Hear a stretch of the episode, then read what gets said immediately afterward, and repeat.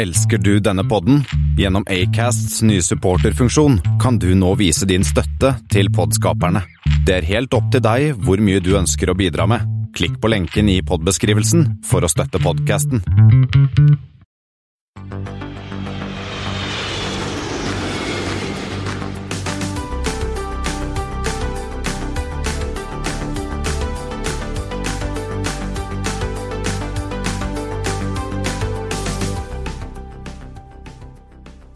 Velkommen til Flypoddens Flight 97. Det har blitt den 19. januar, og jeg tror jammen vi har passert toårsdagen for- Flypodden. Ja.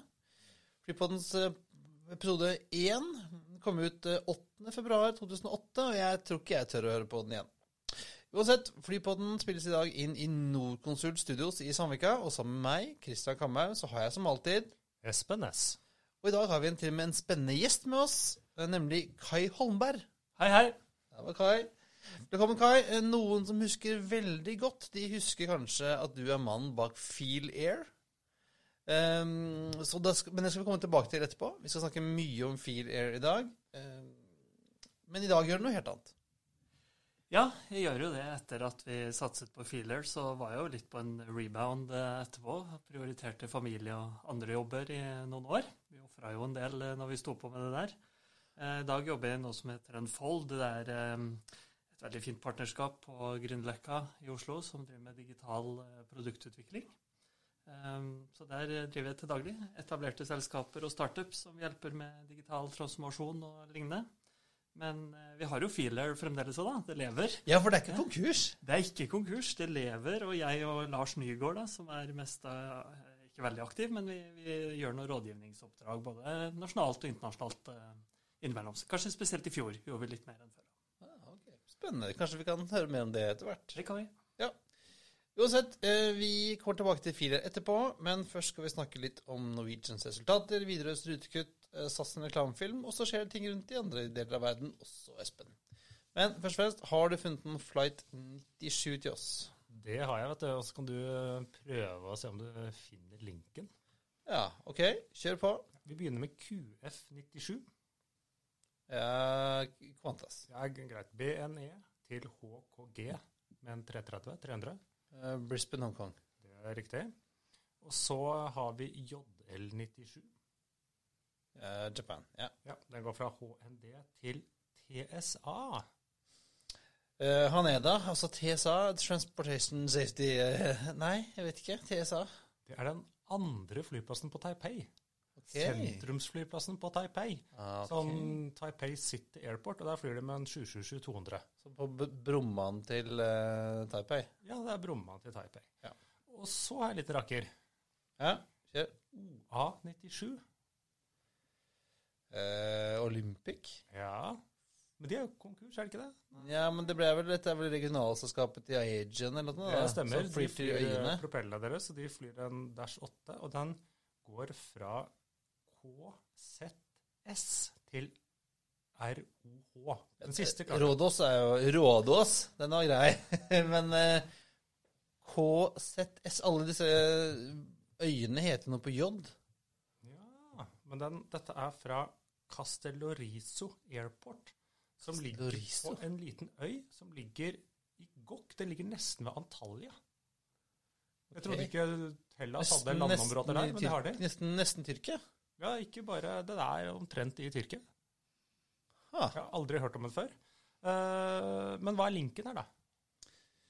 ja, eh, altså, den derre Q57, den går vel knapt med paks lenger, for at der er det ingen som vil fly. Den går mm, jeg Altså, det, den går nord. Den andre går Alle, alle, er, alle går enten til eller fra, eller begge deler en øy. Ah, ja, for du tenker Hongkong ja, øy. Hongkong er en øy. Ja, de to andre øyer, og Taiwan er selvfølgelig en øy. Ja, ok, ja. Så det var øyer der, Espen. Ja. Det var dagens. Det var dagens. Nei, skal vi eh, hive oss inn på aktuelt, Espen? Eh, Du har sett på Norwegian-tallene. De kom forrige uke. De kom forrige uke. Men det var liksom ganske stille. Det ble- var liksom ikke kjempenyheter. Nei, det var liksom De ble notert, og de var vel sånn cirka som man uh, forventet. Første kvartalsresultatene til uh, Jakobsgram. Ja, uh, men det var jo Han snakket egentlig bare om framtiden, og så var det da Han hadde ikke så mye å si til, for Nei. det hadde akkurat begynt, jo. så var det Geir Karlsen som da uh, la fram. Og hvis jeg ser på kvartalstallene, så var det jo liksom da første gang uh, på lenge hvor Norwegian på et kvartal, eller målt mot kvartal, faktisk hadde da en nedgang. Det er jo naturlig sett eh, passasjertallene. Uh, Omsetning endte omtrent på 9 milliarder, 7 lå- lavere enn sist gang. Eh, og så er det jo den, med en gang man leser pressemeldingene, så, kommer jo disse flyselskapene med dette Sitt. Ebit Dar, ja. Ja, det, det er som å si du har vaska klær, men vasken fortsatt ligger i vaskemaskinen. Du er ikke helt ferdig. uh, men ser man da, da si, operating profit, EBIT, ganske langt nede på linja, så var det minus 1,2 milliarder. Nesten 1,3, mens uh, Er det Q4 du snakker da? Det er Q4 året? ja, så de tapte da en, eh, nesten 2 eh, milliarder cirka på det kvartalet. Men det var som forventet, og det er ikke da Norwegian skal tjene penger. Nei, Q4 er jo drit for alle, omtrent. Ja. Men det, det betyr jo at uh, året under ett, da, hvis vi da tar netto Hva ble netto overskuddet? Hva var satt igjen med? Uh, så var det minus 1,6 milliarder, som ja er dårlig, men Men ikke så dårlig som det har vært. Nei, bedre enn i fjor. Og de viser jo i hvert fall at det er en uh, På slutten da, så har de vist at det har begynt å snu litt. Og så er det jo som jeg har vært inne på før, er det nok til at de da slipper å måtte be om mer penger senere i år eller neste vinter eller Jeg så, sånn- nå så jeg i DN i dag at eh, Bjørn, eh, Bjørn og Bjørn driver og selger seg ned Ja, jeg så det. Jeg spekulerer med at de kanskje til er noen ordentlig råtne priser. Ja, men jeg, har spek jeg lurer på kanskje de har litt gjeld de må betjene. Jeg vet ikke. Ja, de har jo, har jo hamset aksjer på høyere, høyere priser. Noen som skulle ønske at Jeg så liksom at eh, storebroren eh, hadde vel et ønske om at de skulle ha solgt til eh, IAG back in the day til en helt annen pris enn i dag. Men det som da også ble presentert, var jo dette Er det Next dette uh, spareprogrammet heter? Uh, og det er jo litt som mer man Det er jo en for, eh, videre, videreføring nesten av det som heter Fokus 2019 og Fokus 19. Det minner meg om et selskap jeg har jobbet i en gang, hvor, vi had, hvor det ene spareprogrammet avløste det andre. Det var ene og det andre. Ja, de skal liksom gjøre mer av det de skal. Og så sier jo da Jakob eh, Skram Du ser at han kommer fra bensinstasjonvirksomheten. Han sier jo at uh, inni flyet er jo en eneste stor markedsplass. Akkurat som eh, Circle K-stasjonene er en eneste stor pølsebu. Uh, så han ser liksom at her har vi muligheten til å selge mer. Og det tror jeg absolutt uh, på. Ja, han har jo snakket om, varmt om hvordan Ryanair er flinke til å merchandise og selge og selge og selge. Og han vil nok eh, og vi ser Det er der pengene kommer fra. Sant? Eh, Veldig mange amerikanske selskapene tjener ikke penger på driften lenger, tjener jo penger på ancillaries. Ja, nei, så får jo spennende å se hvordan det går. Men uh, det kommer jo også et annet selskap med noen nyheter som ja, Ja, også eh, skal fly litt mindre. Ikke bare Norwegian. våre, venner, våre grønne venner videre slapp jo nyheten på Når var dette? Var det søndag? Mandag? Mandag. Mandag. Jeg blir litt forvirret av at det er høstferie og litt sånn. Nei, som høst-vinterferie, selvfølgelig. Vinterferie. Men de slapp nyheten på, nå på mandag om at de skulle da kutte 4000 avganger, og det høres jo skikkelig mye ut.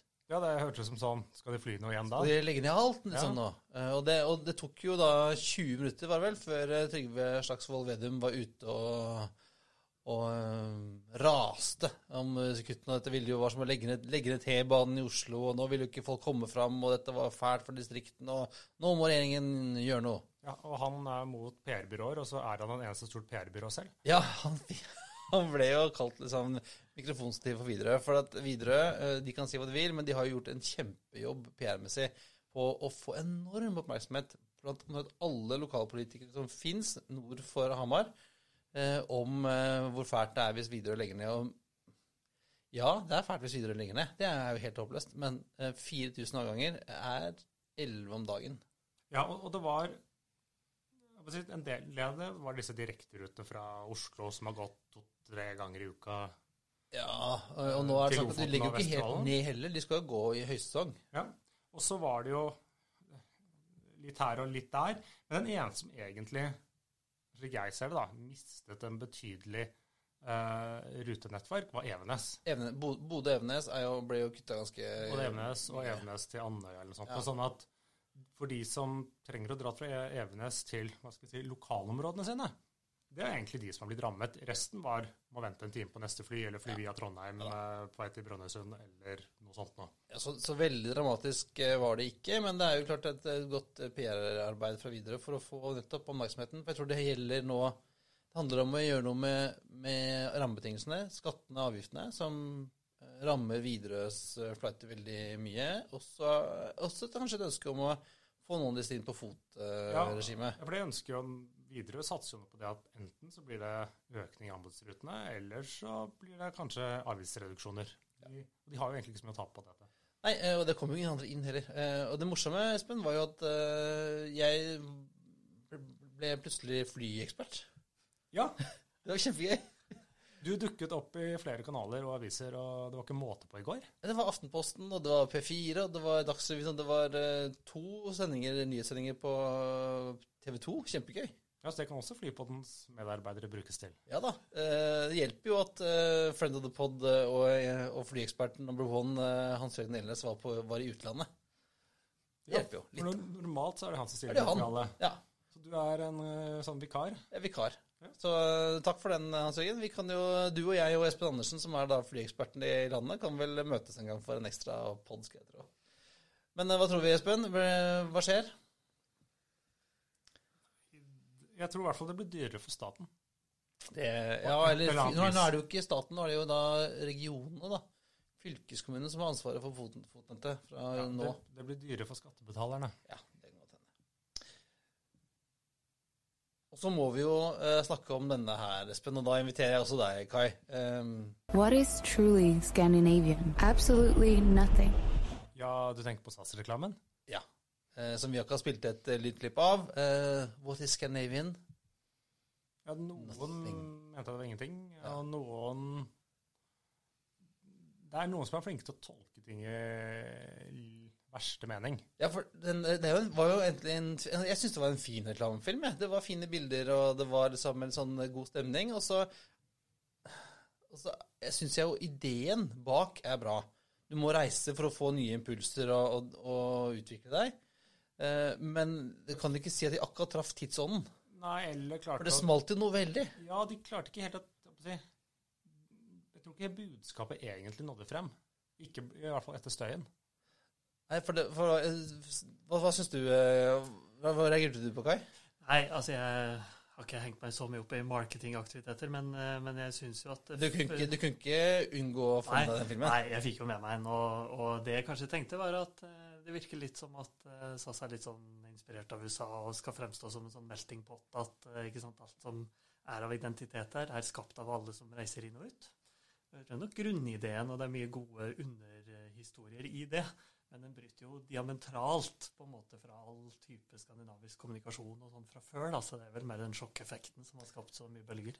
Ja, og så er det jo, Nå påsto også SAS at de hadde blitt eh, Eller det var vel egentlig Aftonbladet som fant litt ut av det, at, det var, at de var som blitt offer for en, en eh, aksjon fra litt sånn mørkebrune elementer der ute. Ja, Hva var det? Var den reaksjonen? Var den koordinert, eller var Ja, den Det var noen som påstod at det var en, en sånn koordinert eh, angrep, da, og, mye, og det var botter, og det var russisk eh, propaganda, det var mye rart inne der. Eh, men men eh, Det var, det var jo litt sånn Folk en del kjellerstuer fikk seg noe å hisse seg opp over.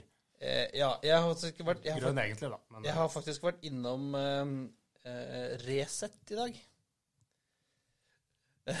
ja. Eh, vi må slette den, eh, den, den netthistorikken etterpå. Men de skriver altså en person med et afrikansk utseende påberopte seg også å stamme fra vikinger.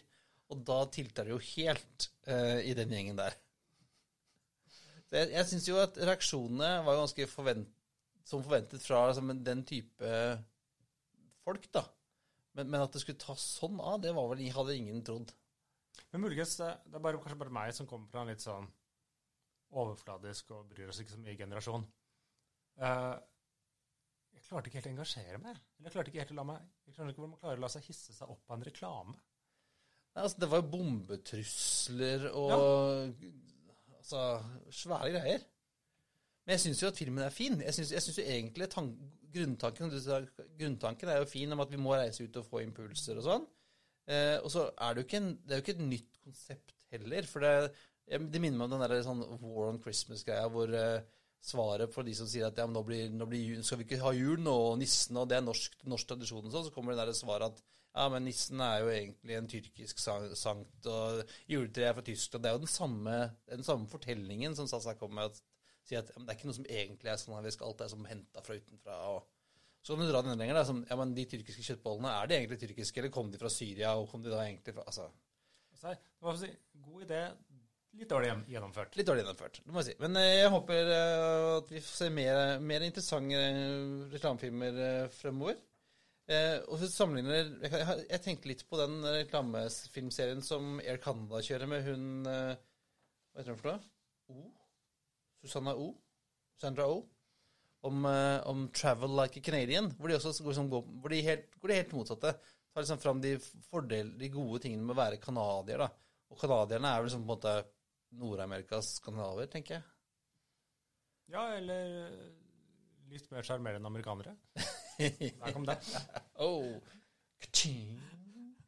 Ja, uansett. eh, Vi legger ut eh, begge filmene, så kan dere se på dem. Og så vil jeg også anbefale å sjekke ut um, tirsdagens utgave av podkasten Forklart på Aftenposten, hvor de går litt dypere inn i denne reklamefilmen og den, dette påståtte koordinerte angrepet da, fra russiske propagandamennesker og andre brune elementer. Så sjekk ut den også. Men vi skal en liten tur innom IAG, eller Qatar. Ja, ja, IAG sier jo ting. Willy Walsh har vi helt glemt. Han skal jo, han skal jo slutte Han skal bli pensjonist. Uh, i en alder av 58. Ja, han skal vel sikkert uh, få en annen type jobb, eh, tenker jeg. Men uh, der kom det altså ut i dag at, i, at Qatar de har jo tidligere eid ca. en femtedel, rundt 20% eller 21,4. De øker nå til 25,1, så de eier da en fjerdedel av IAG. Ja. han plutselig. Og det er jo, det er jo ganske betydelig. Uh, Ja, de la opp Jeg sjekka, de betalte vel 400 og et eller annet millioner pund, sånn 5,6 milliarder kroner. Sånn Ja, for noen få prosenter, så det er jo mye verdt. Uh, og så er det liksom hvem skulle tro det for noen år siden, før de begynte å kjøpe seg, at IAG skulle være kvart uh, qatarsk eid. Uh, men det skal jo sies at snart så stanger de jo det taket hvor mye de kan eie. Fordi at den totalen hva selskapet kan være eid av ikke-EU-borgere, som snart er også inkludert briter, eh, er jo da begrenset. Ja, det så, så du kan ikke kjøpe sånn særlig mer opp nå. Nei, men spørsmålet er da med 25% hvor mye innflytelse gir dem det? Ja, for de har jo så langt valgt å ikke ha en styreplass. Nei. Mens Bjørn Kjos eh, styrte jo nei, styrte jo Norwegian ganske greit med 25% Ja, ja det, det det er jo ikke bare eierskapsbegrensning, men det er også begrensning på hvilken type innflytelse man kan ha òg, da. Som ikke er EU-borger, Men ja, Og så er det kanskje forskjell på formelle. En ting er hva du har i styret, men det er vel muligens at man spør Qatar største eier om råd når man skal eh, gjøre noe. ja, kanskje, kanskje vi ser Willy Walsh dukke opp et annet sted. Ja, kanskje det. Har du, har du møtt uh, Willy Walsh, eh, Kai? Ja, jeg møtte han en gang i, på en eh, konferanse i eh, Eller var sånn eh, Aviation Club-samling i Dublin. Okay. Så da fikk jeg så vidt han, men uh, jeg var litt i, i skyggen der, så Du får ikke julekort. Nei, jeg får ikke julekort av Willy Walsh. Men han, eh, det er fantastisk å følge han og den karrieren han har hatt. Ja, det er veldig spennende. Så det er jo litt gøy at det, i juni så går jo han av, og um, han eh, sjefen i Emirates går også av. Og, Ja, eh, eh, Tim Clark Tim Clark. han har jo blitt uh, atlet og Sir Tim Clark. full uh, pakke. Men hvis så sier du at uh, Willy Walsh er jo noen og 50 år, så er jo Tim Clark Han er jo en gammel gubbe. Han er jo sånn 75 eller sånt nå, så han har jo jobbet eh, over pensjonsalderen. Eh, og Willy Walsh eh, er jo en av de få BA-sjefene som ikke er adlet. Det er for at han er jo en forbanna utlending. Han er ire. Han er ire. Uh, tidligere pilot. Begynte som pilot i Aer faktisk. Ja. Eh, neste vi vil nesten pr- prate en, eh, en episode om Willy Walsh. Big Willy. Han er jo en, eh, en morsom fyr. Og i, eh, borte i USA skjer også ting, Espen. For at uh, kjempeoverraskelse denne uka her var jo at American Airlines inngår et ganske dypt codeshare-samarbeid med Alaska Airlines. Ja, Eh, samarbeid, dypt samarbeid, egentlig. Sånn deler bonusprogrammer og skal også da De drar med seg Alaska inn i, i One. World. Den hadde jeg ikke trodd, for jeg har jo litt sagt at allianser det er ikke noe vits å vokse de, og man kan jo samarbeide like bra uten å måtte være medlem. Nei, og, Alaska er jo kjent for å være en sånn som ligger med alle. Ja. De har jo, Eh, de har jo codeshares med, med finner og Islander og en hel ja, ja, alle. sma- alle altså, de, de ligger med alle, Kai. Og- Det er bare å si. Sånn er det. Har noe kanskje med hvor de flyr. Ja. For, og samtidig da så kommer det American med to long-haul-ruter fra Seattle. Ja, for det, dette Seattle er jo litt, litt sånn Delta country. Ja, Delta har jo gått kraftig inn. De ønsker vel, tror jeg, egentlig å kjøpe Alaska, men de fikk, fikk nei. Slik jeg forstår det, er noen eiere i Alaska som uh, sier nei til alle oppkjøp. og Det er derfor de ikke er kjøpt opp. Ja. Det er noen sånne lokale gutter. det er Bangalore og Heathrow. Ja.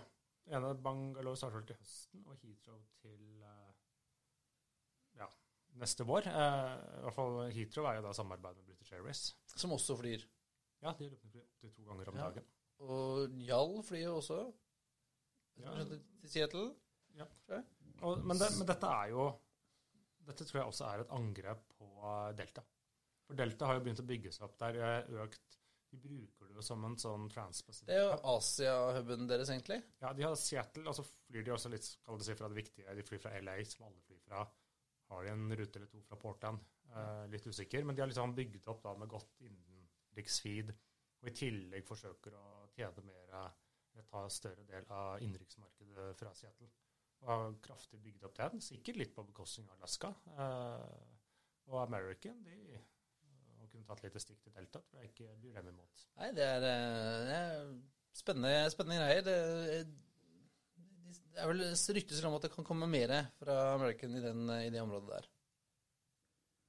Eh, Blant annet, altså, og Bangalore er vel sånn IT-hub, er det ikke det? Jo, det er IT-hub, og det er, Det er Seattle Seattle sammen med San Francisco.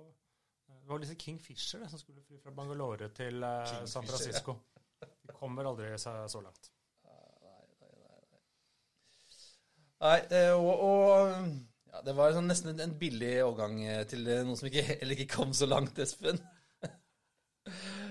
Vi, eh, som vi sa, vi hadde starten, eh, vi har med oss eh, Kai Holmberg her, og vi går litt tilbake i tid, Kai, til eh, 2. oktober 2009, så kunne du åpne VG, og så leser du følgende overskrift. Norsk flyselskap vil starte billigruter til New York og Bangkok. Eh, De skriver også et norsk flyselskap med det klingende navnet Feel Air. De skulle starte flyvninger fra Oslo og Stockholm var vel, til New York og Bangkok med 305 seters Airbus A330-200. Og bak denne her står du, Kai. Kan ikke du sånn kort fortelle litt om, om bakgrunnen for planene, og hvor langt dere hadde kommet når den, denne nyheten sprakk da i vel, Var det først DN, var det vel? Ja, stemmer det.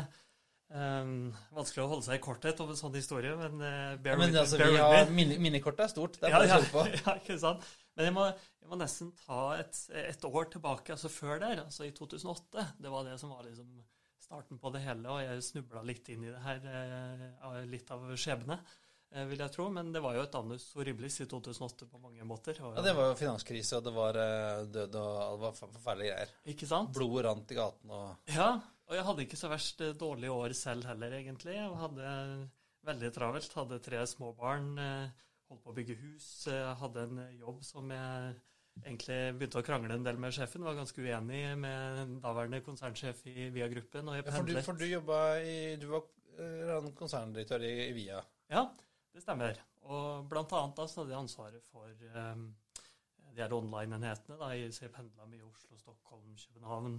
Det var rett og slett et år med veldig mye reising.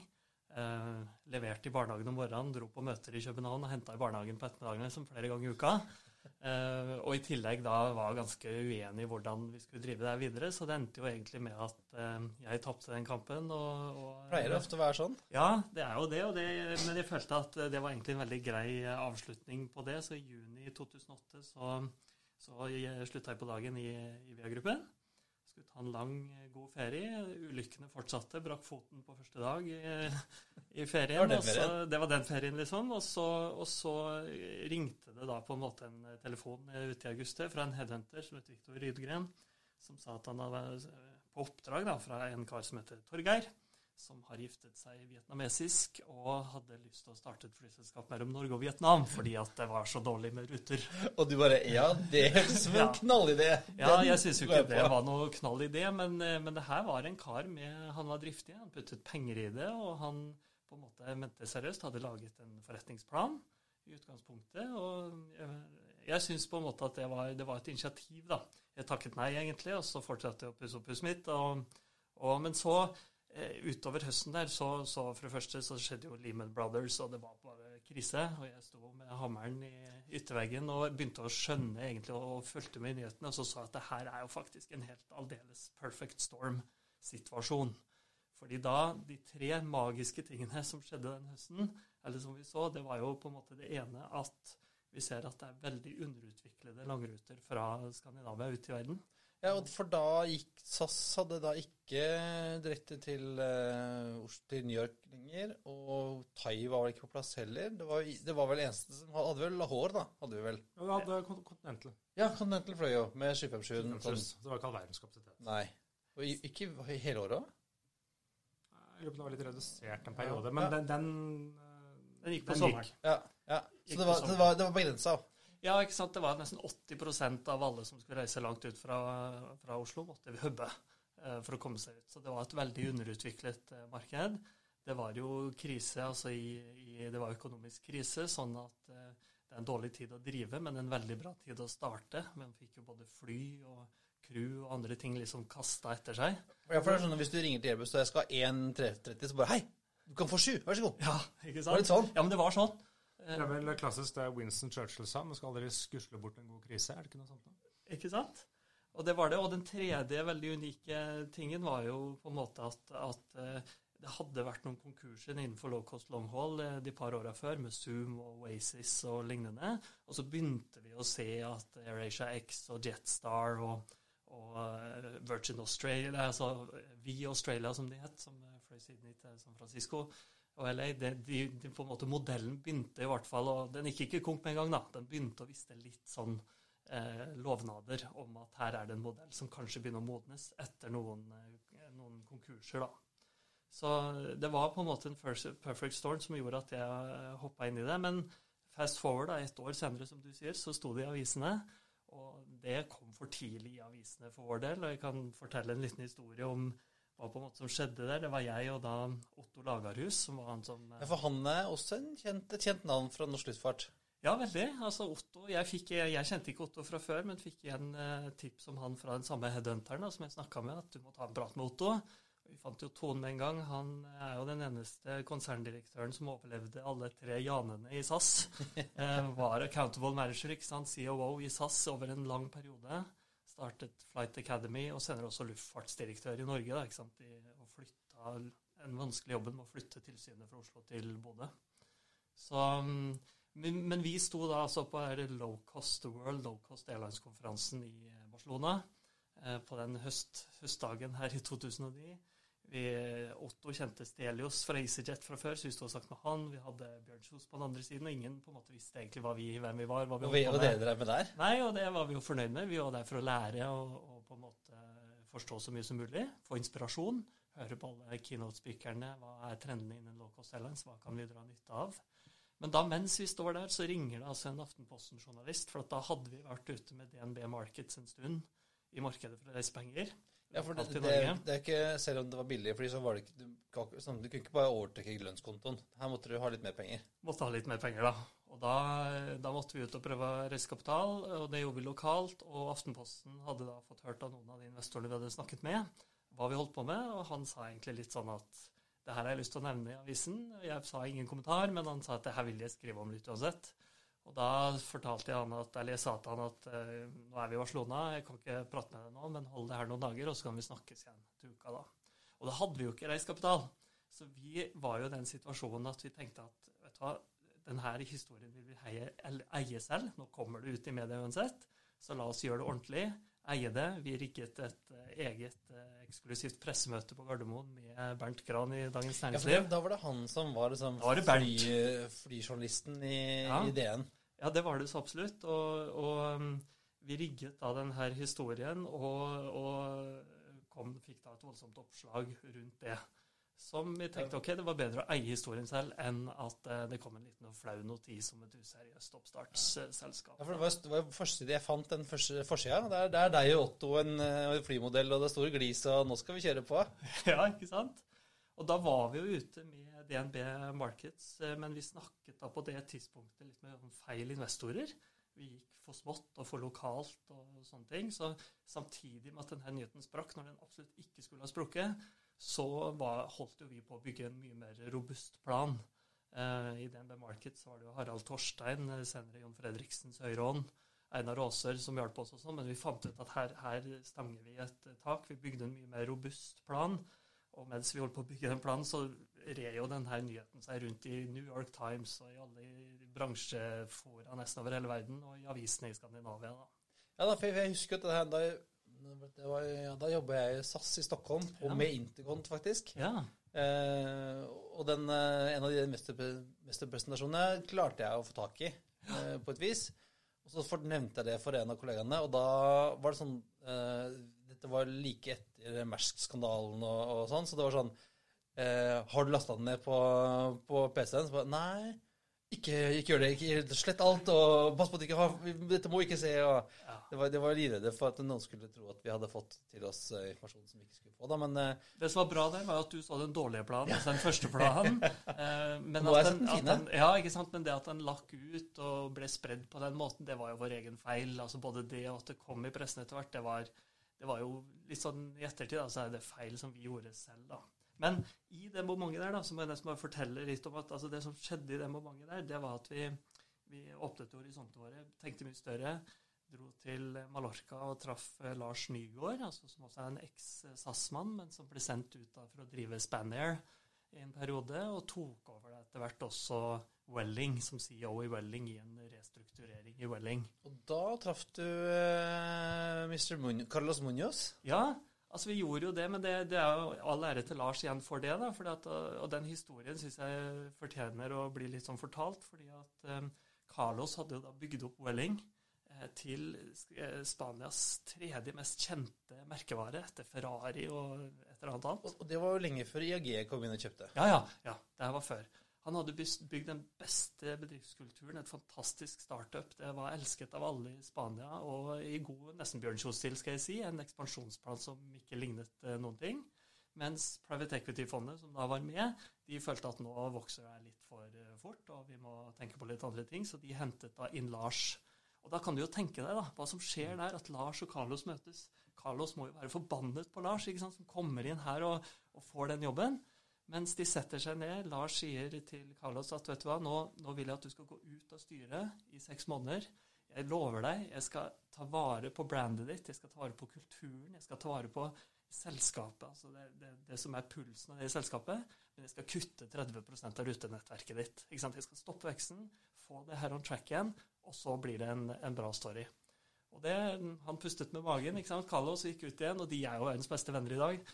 Um, og det gjorde også at vi um, fikk med først Lars da, som styreleder i Filair, men også Carlos etter hvert, som også åpnet mye dører for oss. De spyttet jo først inn penger, begge to, og deres nettverk, Lazaro Rås, som også er medgründer i, i Welling. Um, og så dro de oss videre da, inn mot Blackstone i London, hvor vi da på en måte eh, i overensstemmelse med DNB Market sa at nå bygger en helt ny plan. Eh, og Blackstone stilte da et svært lag med sju personer i Madrid, London, New York og Palo Alto. Og skulle da på en måte hjelpe oss å reise en ny plan. Ja, for de, de var lyttere som ikke vet det, så er jo Blackstone eh, et av verdens største sånne private equity-fond eller private equity-selskaper, og har jo betydelige midler. Og de, de investerer ganske mye annet enn flybransjen òg. Det Det gjør de, og, de, og det som var unikt med den dealen, at vi som kom som et oppstartsselskap da, at vi fikk en sånn deal som vi gjorde med Blackstone, hvor de helt uten å få noe betaling eh, skulle sette et så stort og senior team på å ta det her caset ut i verden. Eh, og de betalte alt. altså De betalte roadshow, de betalte materiell. De brukte massevis av timer til å hjelpe oss å på en måte uppe en forretningsplan til å bli så eh, helstøpt som den ble. da.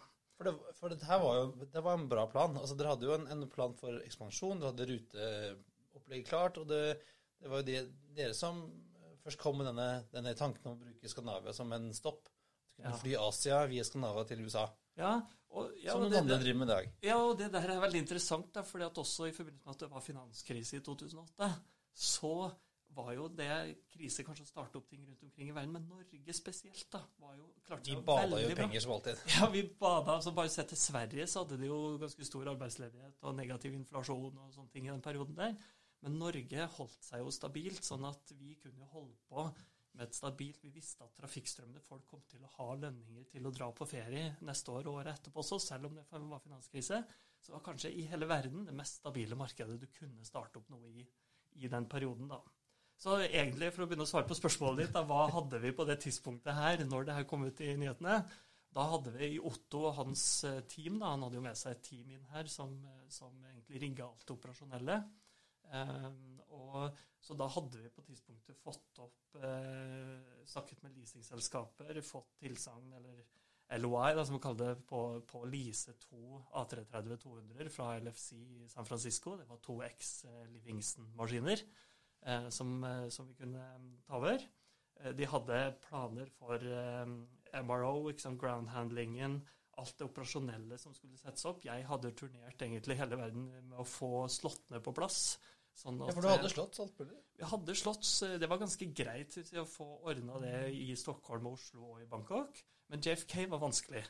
Eh, veldig vanskelig. Og der klarte vi å få tak i Dere snakka om Olympic i stad. Men der var jo, det var jo 2008 eller 2009 at Olympic eh, ble lagt om. Og da fikk vi leaset da, eh, JFK-slåtter av de, som vi bare følte at det var, det var det vi trengte da, for å få tingene på plass. Og så hadde vi selvfølgelig hele AOC-pakka klar. Uh, og det er også en historie i seg selv, uh, for så vidt. Jeg husker jeg satt uh, Hvis du har, har vi tid til en historie Ja, ja, her? Ja, altså, altså, det som var morsomt der Jeg var i, i vi snakker longhold, det er longhold. ja, ja, ikke sant? Men jeg var da i Toulouse hos Airbus, og um, ja, der inngikk jo et fantastisk samarbeid der etter hvert. Men der, der ble vi jo mottatt som, som om vi var en av de største selskapene. De, har en egen Michelin-restaurant der, så de tok oss inn i 350-en. ikke sant? Det var veldig første prototypen på 350-en som sto der klar. Vi fikk smygtitt inn i den splitter nye Thai-maskin 330 som vi skulle konkurrere head to head mot. Eh, men først og fremst, altså, de bare, de bare eh, omfavnet oss som om at vi var en, et selskap som skulle bestille 100 fly. Eh, og derfra så satte jeg meg da på et fly og plukka opp i Oslo, og så fløy vi rett til Bodø. Eh, hvor jeg tenkte at nå er vi på litt nedvind her, så nå må vi sikre AOC-en. Sånn at vi har til investorene, så kan vi si at nå er det her i boks, da. Og da vi kommer til Bodø, møter Heine Rikardsen, så er han bare helt sånn forvirra, løper rundt i gangene og sier at jeg, jeg har ikke fått fiksa møterom, liksom. Det er, det er ett eh, rom igjen, men jeg syns det er veldig upassende å gå inn i det rommet og ha det her møtet for at det er da oppkalt etter Otto Lagerhus.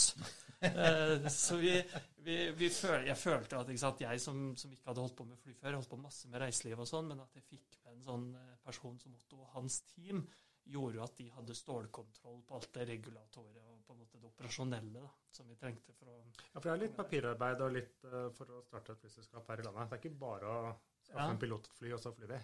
Nei, det er jo ikke det, men akkurat AOC-delen er jo såpass strukturert, og det er regulert, og det er eh, transparens i Norge, ikke sant? Og de hadde jo masse erfaringer fra før. Så det var ikke den største Det var mye jobb og mye skriving og sånt på plass, men, men den jobben hadde vi kontroll på, kan du si, da. Ja, for det, for det skulle kjøre med egen, eget AOC, egen organisasjon. For Ja. mange andre selskaper ville jo ha starta med en type wet lease-variant. sånn ja, ja, vi skulle drylease og kjøre egen operasjon. Og, og hadde jo Jeg har sett uh, deler av organisasjonen som var på plass. Alle der hadde vel ikke blitt ansatt, men de var vel sånn de ville hoppe over hvis de Når det ble, når det ble noe. Så var det mange tusen som søkte jobb. Ja, Jeg altså tror jeg alle- sendte en søknad, faktisk. Ja, ok. Så hyggelig. Nei, altså alle vi hadde med i organisasjonen ble da engasjert på frilans- eller konsulentbasis. Eh, Så vi hadde jo 13 personer i arbeid. eh, Og når vi også økte denne planen, så, så fikk vi mye ekstern kompetanse. Altså en kanadisk CFO, vi hadde en, en eh, italiensk ruteplanlegger, vi hadde en britisk ground handling-person, vi hadde aircraft sourcing og selection og sånn tok vi gjennom et nederlandsk selskap. Så alle de, og så kom da Det var jo egentlig etter det oppslaget i Dagens Næringsliv at eh, vi fikk over 3000 søknader sant, på jobb, og det var på crew og på, i kabinen og i cockpit. Og det her var jo samtidig Du var jo SAS, ikke sant. Det var samtidig som at uh, gamle, gode piloter med A330-rating ble pensjonert i en alder av 52 år. Og, og med lønnspakke i mange mange flere år. Og de vil jo ikke de til Norge og bo hjemme og gå sammen med kona i stua hjemme. De vil jo de vil fortsette å fly. Ja, ja, ja. Så de tok, jo til, de tok jo til takke med veldig lav lønn eh, hos oss, søkte som gale, og i tillegg da vi hadde jo all den sikkerheten og kvaliteten og erfaringen som vi trengte for at det skulle være et bra oppstartsselskap. da. Så vi hevet på en måte hele denne planen da til et eh, 85 millioner eh, dollar case. Økte planen fra sant, to til ni fly i planen vår, skulle fly 16 ruter, og fikk trimma da på en måte forretningsmodellen og spesielt da rundt det her med enhetskostnaden, ikke kasken, at den skulle være eh, og På det tidspunktet var den sånn, ikke bare halvparten, men det var tre- og fire ganger lavere enn hva konkurransen kunne, kunne hamle opp med. Og det skjønte vi at det der klarer ikke de å endre på på veldig kort tid. Og I hvert fall ikke når du kombinerer med en ny forretningsmodell. Eh, ancillary, som du er inne på. Høy utilization på flåten. Floating schedules. Eh, høy online eh, salg ikke sant, på, på det. Utnytte crewet opp mot eh, oppunder 900 timer i året, som da var høyt. Og fylle da flyet med 305 seter ikke sant, i stedet for 240, eh, som de andre hadde. da. Men, eh, men Bjørn Kjos han var innom. Han, han var ikke veldig imponert. Eh, til Dagens Næringsliv så sa han totalt dødfødt. Dette er helt hinsides uten å ha et godt eh, kortdistansenett som kan fire disse rutene. Bare se hvor mye SAS og Finner brenner av på langdistanserutene sine. Jeg tror ikke de er klar over hva som skjer i bransjen. Dette er det glade galskap, sa han. Eh, og så hadde han jo tidligere sagt på direkte spørsmål at han, de Norwegian skulle i hvert fall ikke drive med, med longhold. For det det, var ikke noe for han. Men det tok ikke lang tid før eh, Norwegian eh, slapp en, en plan som ligna veldig på deres. Ja, det er riktig. Og vi, og vi hadde gjort veldig god hjemmelekse når det gjaldt Norwegian. For at åpenbart var jo det en risiko. For de hadde jo de, for 2008-2009 der, så de, det var ikke så bra hos, eh, på Fornebu hos, hos Bjørn Kjos. Det var ikke det. Altså, aksjekursen var lav, balansen var ikke sterk. Det var begynt å ulme i fagforeningene. Dere i SAS hadde jo endelig begynt å ta han alvorlig. Ja, Svenskene skjønte at det, at det, at det- det var noe, var noe gjerde borti, borti Norge der. Ja, ikke sant? Og han i tillegg eh, tok jo da over ansvaret for Fly Nordic. ikke sant? Masse integrasjonsproblemer å få det med flåte og gamle fly og kultur og organisasjon og sånt til å funke. Ustabilitet rundt altså Det var da Sterling eh, gikk over ende. Og det var, og i tillegg, ikke sant, krise i økonomien generelt. da, Selv om Norge og Norwegian var mindre belastet med det enn konkurrenter, så, så var det likevel Det som var en veldig bra timing for oss, det var jo en elendig timing for, eh, for eh, Bjørn Kjos. da. Og det han sa til Dagens Næringsliv når Bernt Gran da, ringte han den torsdag ettermiddagen Jeg husker jo som det var i går, ikke sant? men da, da sa han at vi har sett på det her, og vi har funnet ut at vi skal ikke kaste bort penger på langdistanse. Vi har andre steder å bruke pengene våre. Ja, og, stemmer han sa det. Og da, to, da Han hadde jo rett, da. Han hadde- I ettertid. Skulle ha hørt, et eget, hørt på ditt råd, Bjørn. Men når han sa det, da, så brukte han bare helga etterpå med å ta hele forsiden på Finansavisen med en helt identisk plan. Og du kan på en måte si at Jakob Strømfy, som da var i Finansavisen, fikk jo da sin lille hevn over Bernt. For at jeg husker når vi snakka med Bernt på torsdag, eller han skulle sende SMS til Jakob og fortelle om hva som kommer i avisa i morgen. Så det var en fight Ja, for det var alltid et fight eh, mellom de to der om hvem som fikk sakene. De to. Og, så jeg tror ikke Jakob var sen å be med å lage den nye forsiden for, eh, for Bjørn Kjos. Men, men eh, helt sånn Det man ser, er at Bjørns plan, eller utspill da, i avisen, det var eh, et rent PR-utspill på det tidspunktet. Altså Norwegian hadde ingen intensjon eh, om å lansere Longhold, som han sa da, innen seks måneder. Ja, for han hadde jo ikke noe fly som kunne passe, og Dreamliner var jo var jo et stykke unna også. Ja, og historien viste, og det visste han da han gikk ut med det utspillet, tror jeg, det er at eh, det tok jo fire år etter der før han på en måte ble en realitet. Men det som jeg må berømme han for, det, altså, som vi totalt undervurderte, det er jo hans paranoia. Han er jo påskrudd, og det har han jo vært siden han starta opp. Og nå har det jo gått noen år etterpå. Jeg har lest bl.a. bok av eh, Av Jakob Trumpy. Av Jakob Trumpy har jeg lest. Ja. Jeg har lest Bjørn Kjos sin bok. Det er jo to forskjellige bøker. Det er to forskjellige bøker, To men, forskjellige eh, men og Bjørn eh, bruker jo heller fire-fem sider på vår historie. og Jeg synes jeg ringte han og takka til han etterpå. og syntes det var bra skrevet, selv om han har jo skrevet storyen i ikke helt kronologisk rekkefølge og litt sånn som det passer han. Ja, ja. Men, men jeg syns han, synes han behandlet oss med respekt da, i, i den boken. Men, men jeg har lest en annen bok, da, 'Good to Great' med Jim Collins, og der sier han at eh, det er liksom tre faktorer du må mestre for å lykkes eh, over tid. Blant annet eh, Herb Keller da, i Southwest får veldig skryt i den boken for over 30 år levere overskudd, overskudd, overskudd. Og det tilegner de da den kvaliteten som heter fanatisk disiplin. Altså Herb Keller i Southwest han tar ikke ut all veksten som ligger foran nesa hans i, i markedet, men han disiplinert vokser kontrollert år for år for å, å, å lykkes. For det er jo faren som veldig mange flyselskaper har vært, de har vokst for fort. Ikke sant? Ikke sant? Og det er Southwest et perfekt eksempel på hvordan de kan, selv om eh, luftfart er en volatil bransje, går opp og ned, så har Southwest consecutively ikke sant, hele tiden levert så bra resultater. Den andre tingen eh, som de nevner i boken, er jo det her med, med empirisk kreativitet, da kaller de det. ikke sant? Og det, det er jo altså Apple under Steve Jobs er jo kanskje det beste eksempelet på, på å lykkes med det. Og den siste er da, som vi skal snakke om om Bjørn Kjos her, det er det her som, som er eh, produktiv paranoia. Ikke sant? Å være paranoid, men være på en produktiv eller positiv måte. Det er Bill Gates uh, trekker boka fram som stjerneeksempler på det her, men, men, og det er jo fordi at man alltid har en plan B. Og det at Bjørn reagerer på en helg på den måten han gjør her, er, han skårer jo skyhøyt på den produktive paranoiaen. Han, vil, han syns vi er en plagsom eh, mygg og vil ha det ut til siden. Og, og, den spiller han ut på en helt fantastisk måte, og vi, vi undervurderte jo da den, da. Ja, for da Da var det slutt.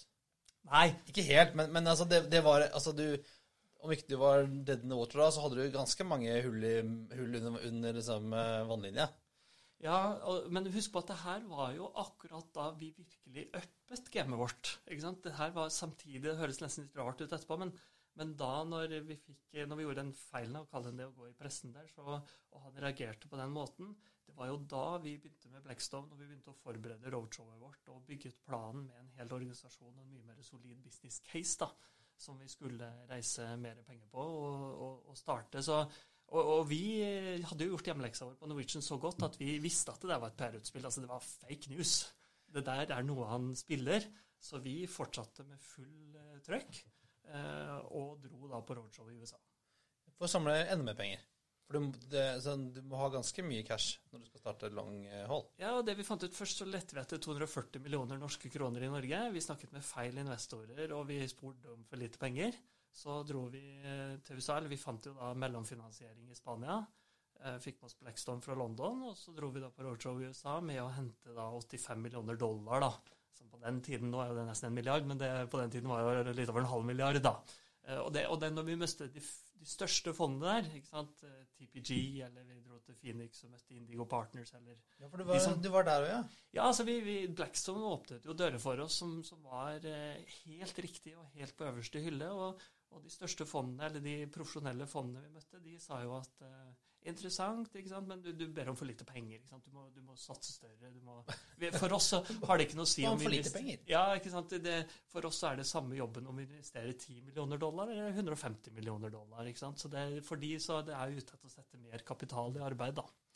Så... Um, så det, var, det, er litt snedig, det der, men akkurat på det tidspunktet når du egentlig du tenker at da var det over, så det var jo egentlig da vi løftet oss til å skape et, et ordentlig business case som kunne fly. da. Men det ville jo vært vanskelig men, men, men, noe av det du sa i den, den, perfekte stormen, det var lave kostnader, det var mye tilgjengelig fly, det var mye tilgjengelig crew, det var lite kapasitet i markedet. Så snudde jo det. I 2010 så starta jo SAS uh, Oslo-New York igjen. Uh, det var en stor dag på kontoret, kan jeg fortelle deg. Ja. eh, og Norwegian sine planer. Thai kom inn igjen på, på Oslo. det, det litt, begynte å bli fullt. Jo, men eh, Thai og SAS, no offense, og Continental på den tiden var vi ikke så nervøse for. Eh, Nei, for dere jo, ville jo kommet med, med ganske mye lavere priser og, og ta ut mye av det markedet. Ja, og vi kunne skape ny vekst i markedet som ikke de tradisjonelle selskapene kunne ta ut. da. Så vi, vi sa jo det at uh, den konkurransen her, den, den, hadde vi jo kalkulert inn ville komme. Hva, hva, skulle Jeg fant i en av disse presentasjonene så står det at prisen skulle være 345 US dollar én vei.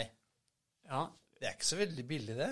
Nei. Altså med, med, med, med, I dag, liksom? Nei, men da var kur, kursen var seks. Ja. Eh, det var én ting. skulle, hva, skulle, hva skulle dere selge? Husker du hva, hva sånn prisen skulle være for Oslo Nyhet? da? 100 dollar på det billigste. Så med god revenue management der, så fikk du en snittpris på over 340 dollar da ganger ved seks, som var kursen på den. Så Utsalgsprisen på en uh, 700 kroner enn meg, da. Sånn, da. Men du må huske på at, at vi hadde jo et mye mer smalere revenue-oppsett. ikke sant? Den var SAS eller Continental. Det siste Continental-setet til Newark på den tiden der kostet jo 57 000 kroner. Ja, for det gikk liksom andre veien. Ja, vi gjorde jo det, så vi, vi skulle jo ha en god gjennomsnittlig pris, og vi hadde jo mange flere seter vi kunne sette folk i, eh, i forhold til den 757-en som, som gikk over der. Men, eh, men eh, ja, så 100, Og hypotesen vår da, var at du skulle fly én vei Uh, uten en Silver Revenues for 100 dollar, og det er jo tilfellet vi ser i dag òg. Ja, det er jo en, dag, dagens pris omtrent. Så, og ekstras for alt. Det var bagasje, og det var mat, og det var Ja, ja, ja, og alt mulig. Selvfølgelig. Basic, helt basic. Og det, og det var jo 2008, eller 2009, da når vi snakket om det her. Det var jo ikke kommet langt. Eh, Nei, og du hadde jo en gammel kollega av meg på laget så jeg, som var god på det. Ja. Som hadde vært uh, sjef for Ancillaries i Ellinges. ja. ja, det hadde vi. Henriette Tillert uh, var med i det oppsettet. Vi hadde også Marco Covani, som hadde gjort det samme fra ikke bare Alle Italia, men også fra Welling. Eh, og vi hadde også med Kanskje bedre å ha Woeling på CV-en enn alle Italia, Espen. Ja, muligens det. Ja, men det, måten han analyserte ruter på, og, og hvordan han hadde sett på ruter, altså spesielt fra nowhere to nowhere i Italia, i Mellom-Europa, Sør-Europa, helt unik måte å analysere på. og Det faget lærte han i alle Italia. da. Og så hadde vi også med eh, Timothy O'Neill Dunn, som er en, en eh, egentlig en brite, men bosatt i Seattle, var ansatt nummer tre i Expedia. Eh, og, og, og også på en måte dro inn en helt unik kompetanse da, i forhold til produktpakketering og prissetting. Ja, for selv, selv eh, 2008 var jo, var jo online sales rimelig nytt. Ja, det, ikke, det var ikke majoriteten da, det var fremdeles eh, reisebyrå som rula. i- Ja, dine, dine gamle venner i reisebyråene? Ja, ja, absolutt. absolutt. Men altså, oktober 2011, da var det slutt. Eh, 28. oktober eh, 2011 så skriver Jan Oven i VG Feel Air dropper billige langruter fra Norge. Og Da hadde, vi, hadde Norwegian fått mye oppmerksomhet om sine nye ruter, og um, som vel ikke kom i gang før i 2013 eller noe? 14-13? Ja, og da med noe innleid eh, maskin som plan B. Ja, ja. Og så hadde vi da SAS på Den hadde oppdaget en eh, 907-908, og um, men, men da sier dere til avisen, til VG, til Jan, at uh, dere vurderte oppstart fra andre steder. For som du, som du sa, du hadde en, en robust businessplan uh, som kunne fungert i andre markeder. Ja. Uh, og det var jo, fantes jo andre under, underserved markets i verden enn Skandinavia. Og med et så internasjonalt team som du hadde, så kunne dere ha satt opp shop i et helt annet sted. I Barcelona eller i London eller i Tyskland, for den saks skyld. Ja, helt riktig, altså. Men, men vi var jo altså For det første var muligheten i Skandinavia var, Den var, som vi har snakket om, helt eh, out of this world. altså Den var så unik, både på robusthet i økonomien hjemme, men også underbetjentheten, stabiliteten framover, og alle de andre faktorene vi har snakket om da. Ja, for Men- hadde jo heller ikke Da bombarderte heller ikke Qatar og Emirates Nei, nei, med seter til Asia som de gjør i dag, i like stor grad. Ikke i det hele tatt. Ikke i det hele tatt. Og på det tidspunktet så, eh, som jeg nevnte i stad, vi kunne konkurrere vinge til vinge med SAS, eh, Continental og Thai. Det var vi forberedt på. Det hadde vi sensitivitetsanalyser på at det her skal vi klare. Men eh, når, jo mer alvorlig det ble rundt Norwegian sine planer, og etter hvert han signerte en LOI på de første Dreamlinerne, så, så sier vi at vi kan ikke fly vinge til vinge med Norwegian. Det brandet de har, det feeding-nettverket de har som ikke vi har, og lignende. Så vi, da tok vi en litt sånn kontrollert eh, nedskalering på det tidspunktet.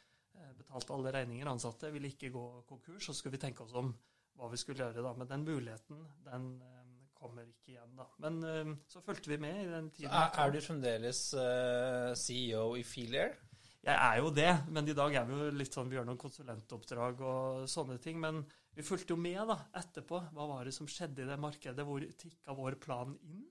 Og det var veldig spennende, og det gjorde det jo til punkt og prikke i lang, lang tid. Og helt fram til i dag egentlig, så ser vi at de analysene vi gjorde var, og måten vi rigga det på, hadde, hadde kunnet fly. Men det er tre store forskjeller da, i vår plan kontra Norwegians utrulling, Ja, som for- vi har sett. For man ser jo, hadde Norwegian Longhold vært et eget selskap, så hadde de gått konkurs for lenge siden. Riktig.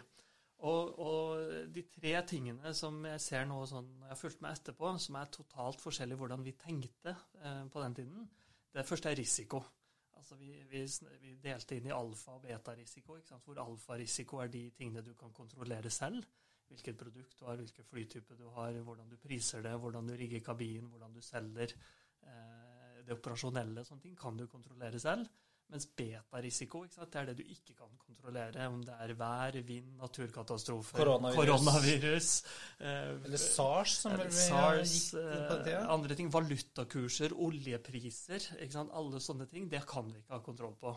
Så eh, vi fokuserte jo da veldig på å kontrollere alfarisikoen, så vi syntes jo det var høl i huet. Og så jo det ganske tidlig å gå ut på en hel, å være launch customer liksom, på, en, på en helt ny flytype. Ja, det var det jo mange som brant seg på.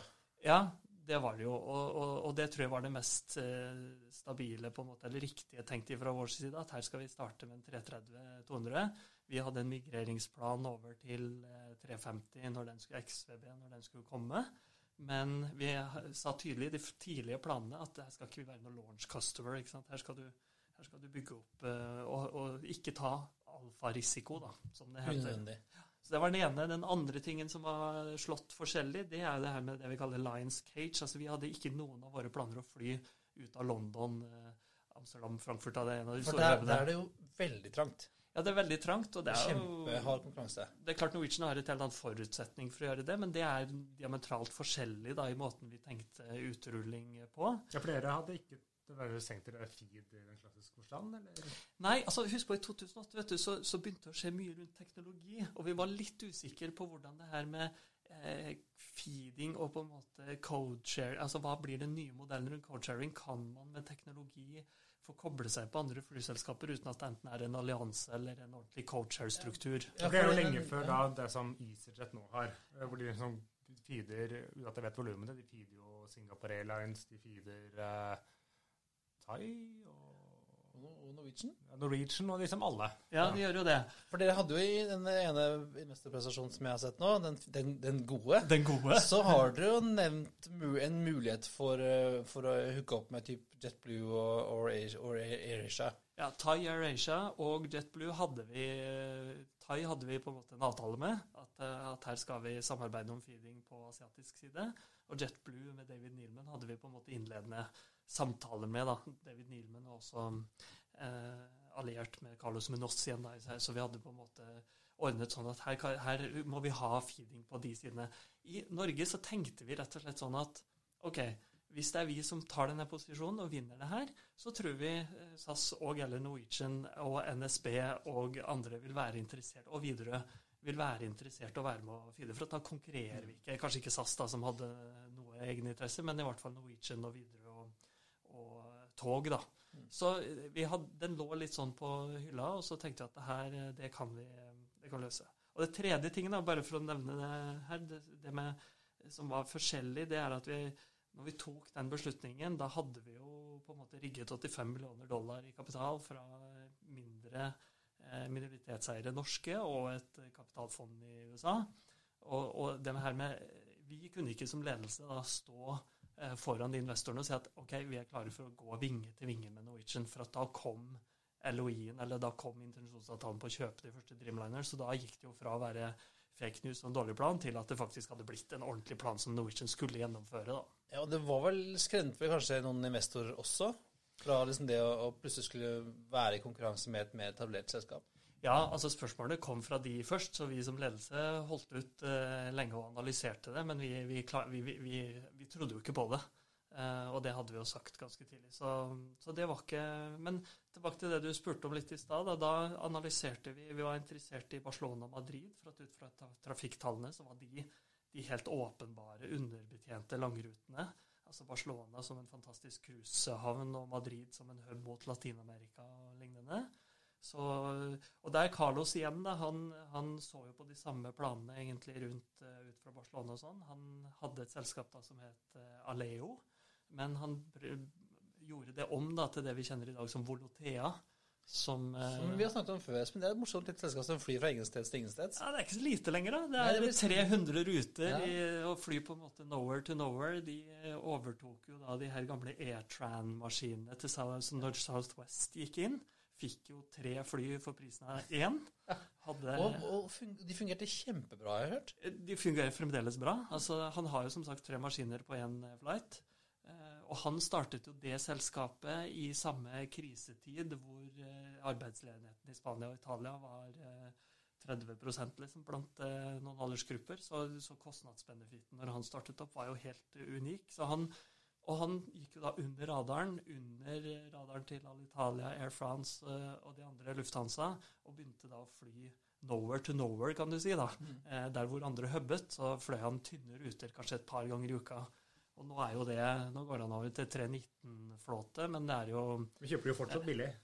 ja, altså det, du, fikk jo i starten eh, billetter for 9 euro eh, per vei, ikke sant? Og jeg tør ikke å si hva crewet kostet i starten, men det, det var en helt unik timing også for han da, å startet opp. Men han hadde jo da imot seg at det var dårlige økonomiske tider i Sør-Europa, så der var det jo litt mer har folk råd til å reise, da. Eller, så ser jeg, det flyet dere tenkte å sette inn, det er jo ikke enormt forskjellig fra det level flyr Longholm i dag.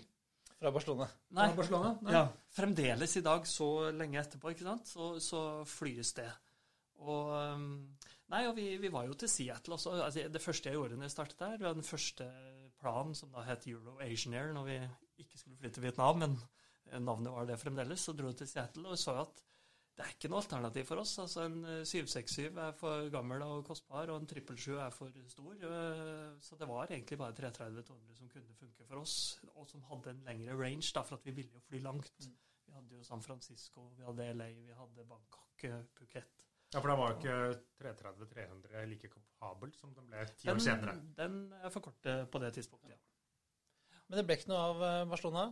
Nei, altså det, det ble det ikke. Vi, risikoen der følte vi også var for eh, stor. Vi så på deler i Latin-Amerika, hadde en dialog med en investor i eh, Ecuador, underbetjent marked der. Vi så på Cape Town, Sør-Afrika, også underbetjent eh, marked. Men ingenting kunne altså matche seg med den muligheten som var i Skandinavia. Da. Så det, det ble med det. Så er, nå er det da 11-10 år siden eh, det ble slutt. eh, Og, og Norwegian sliter jo fremdeles med sin eh, long haul-satsing, eh, som du var inne på, Espen. Og mange flyselskaper har gått konk. Vi har jo et eget, et eget segment som heter Espens konkurshjørne, kanskje, som du vet kanskje, Kai. men vi- går gjennom de. Så hvordan hadde det gått, tror du, med Feel Air hvis dere hadde kommet i lufta da i, tilbake for ti år siden? Hadde det, hadde det gått etter planen, eller? Uten vinge til vinge til Norwegian, så Ja. tror jeg vi enten hadde kommet oss i luften og eh, tatt en posisjon, eller altså med, som vi så at andre kom meldte seg på banen etter hvert, så hadde vi i hvert fall fått nok leverage til å bli en del av en annen satsing, da, om det var Norwegian sin eller Altså Jeg tror Bjørn Kjos var ganske irritert på oss en periode. Jeg hadde god dialog med egentlig han i starten òg, men så med Frode Foss og med Daniel Skjeldam og sånn. Men til på slutt så ville ikke Bjørn snakke med meg. Så når vi prøvde å få til en eller annen på slutten der, skulle prøve å få til en eller annen eh, hva skal jeg kalle det, minnelig ordning, eller noe som kunne være en vinn-vinn, da. Så satt jeg på Ramstadsletta, og Norwegian satt jo på Fornebu, og jeg var via en, eh, en finansrådgiver i Tampa i Florida for å klare å få en dialog på Ja, for, for, for, 500 for her kunne jo. Norwegian ha fått et sånn nøkkelferdig selskap med alt, alt klart. Sikkert, ja, Du kunne jo spart ganske mye i forhold til det å kunne starte selv, da.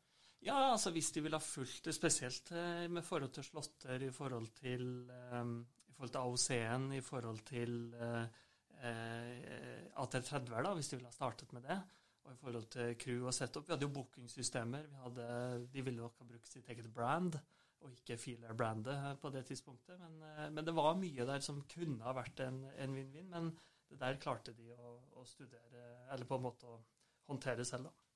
Eh, Ja, Kai, men du er en si, hvit mann som snart pusher 50. Har du lagt flyselskapsplanene helt på hylla, eller ligger det plan for å starte på noe nytt? Altså, jeg vet jo at Christian ønsker seg veldig et uh, nytt eh, flyselskap på norsk innenriks.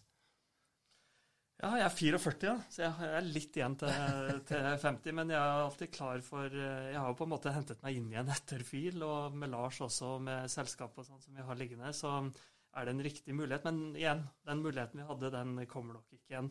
Så syns jeg også at flybransjen da, og, og den kompetansen og kunnskapen vi har rundt miljøet nå, ti år etterpå, er jo er veldig forandra på en måte snakket med Lars i går hvordan på en måte synet rundt det med, med fly ville vært. Så jeg ville nok aldri ha startet eller prøvd å starte et nytt flyselskap i dag uten å ha tatt en helt annet ansvar for miljødimensjonen. Det er at eh, flyselskaper alltid gjemmer seg bak at det er bare 3 av, eh, av det her er jo, er jo bullshit. Så, så se f.eks. på KLM Air France, hvordan de dreier noe kommunikasjonen sin. Kan du ta tog på denne turen i stedet?